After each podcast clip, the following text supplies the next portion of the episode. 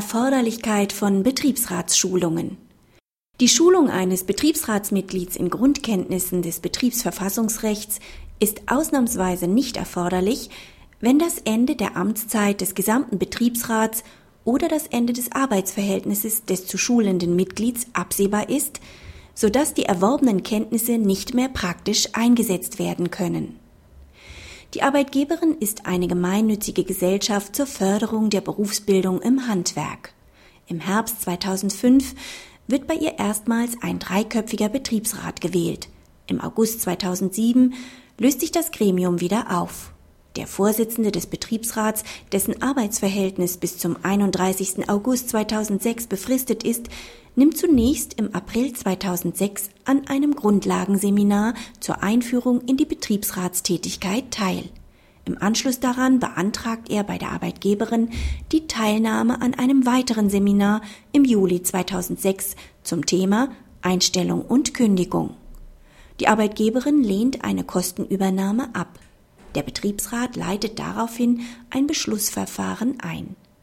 Nach Auffassung des BAG ist die Arbeitgeberin zur Übernahme der Kosten für den Schulungsbesuch im Juli 2006 verpflichtet, da der Besuch der Schulung für die Betriebsratstätigkeit erforderlich war. Der Senat unterscheidet bei der Pflicht zur Kostentragung im Zusammenhang mit Schulungsveranstaltungen zwischen der Vermittlung von sogenannten Grundkenntnissen und anderen Schulungsveranstaltungen. Jedenfalls bei erstmals gewählten Betriebsratsmitgliedern ist die Schulungsbedürftigkeit im Hinblick auf Grundkenntnisse im Betriebsverfassungsrecht, im allgemeinen Arbeitsrecht oder im Bereich der Arbeitssicherheit und Unfallverhütung grundsätzlich ohne nähere Darlegung zu unterstellen.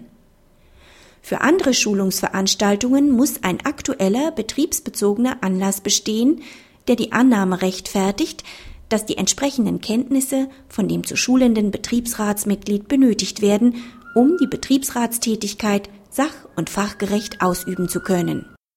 Allerdings muss im Ausnahmefall auch für Grundlagenschulungen ein betriebsbezogener Bedarf dargelegt werden, sofern die Schulung kurz vor dem Ende der Amtszeit des Betriebsrats stattfindet und der Betriebsrat daher absehen kann, dass das zu schulende Mitglied die in der Veranstaltung vermittelten Grundkenntnisse bis zum Ende der Amtszeit nicht mehr einsetzen kann.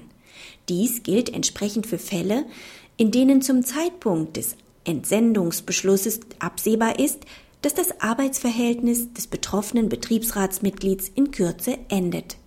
Hinsichtlich der Frage, ob und inwieweit erworbenes Wissen trotz der absehbaren Beendigung der Amtszeit des Betriebsrats oder der Beendigung eines Arbeitsverhältnisses durch das betroffene Mitglied noch genutzt werden kann, steht dem Betriebsrat ein eigener Beurteilungsspielraum zu. Im vorliegenden Fall handelt es sich bei dem Seminar zum Thema Einstellung und Kündigung um eine Veranstaltung, die Grundwissen vermitteln soll. Die Schulungsbedürftigkeit war daher zunächst nicht näher darzulegen. Die angesetzten Themen überschneiden sich nur marginal mit der vom Betriebsratsvorsitzenden zuvor besuchten Schulung, die einen allgemeinen kollektivrechtlichen Schwerpunkt hatte. Der Betriebsrat durfte auch davon ausgehen, dass der Vorsitzende die erworbenen Kenntnisse trotz der bevorstehenden Beendigung seines Arbeitsverhältnisses noch benötigen würde, um die Betriebsratstätigkeit ordnungsgemäß auszuüben, da aufgrund der besonderen Personalstruktur und Drittmittelfinanzierung der Arbeitgeberin noch vor der Beendigung des Arbeitsverhältnisses eine Mitwirkung des Betriebsrats bei zahlreichen personellen Einzelmaßnahmen zu erwarten war. Praxishinweis. Mit der vorliegenden Entscheidung schränkt das BAG seine eigene Rechtsprechung zur Erforderlichkeit von Schulungsveranstaltungen bei absehbarer Beendigung der Amtszeit des zu schulenden Mitglieds erheblich ein.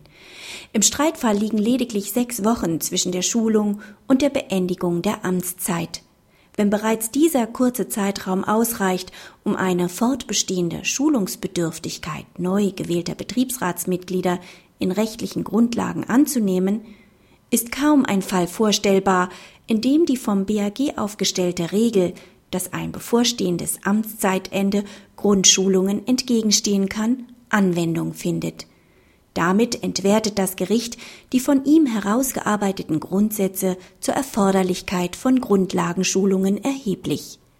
Dies wird auch daran deutlich, dass das BAG bereits den Umstand, dass ein Betriebsrat Art und Umfang der beteiligungspflichtigen Angelegenheiten, die voraussichtlich bis zum Ende der Amtszeit noch anfallen, nicht eindeutig vorhersehen kann, als Grundlage für einen Entsendungsbeschluss ausreichen lässt.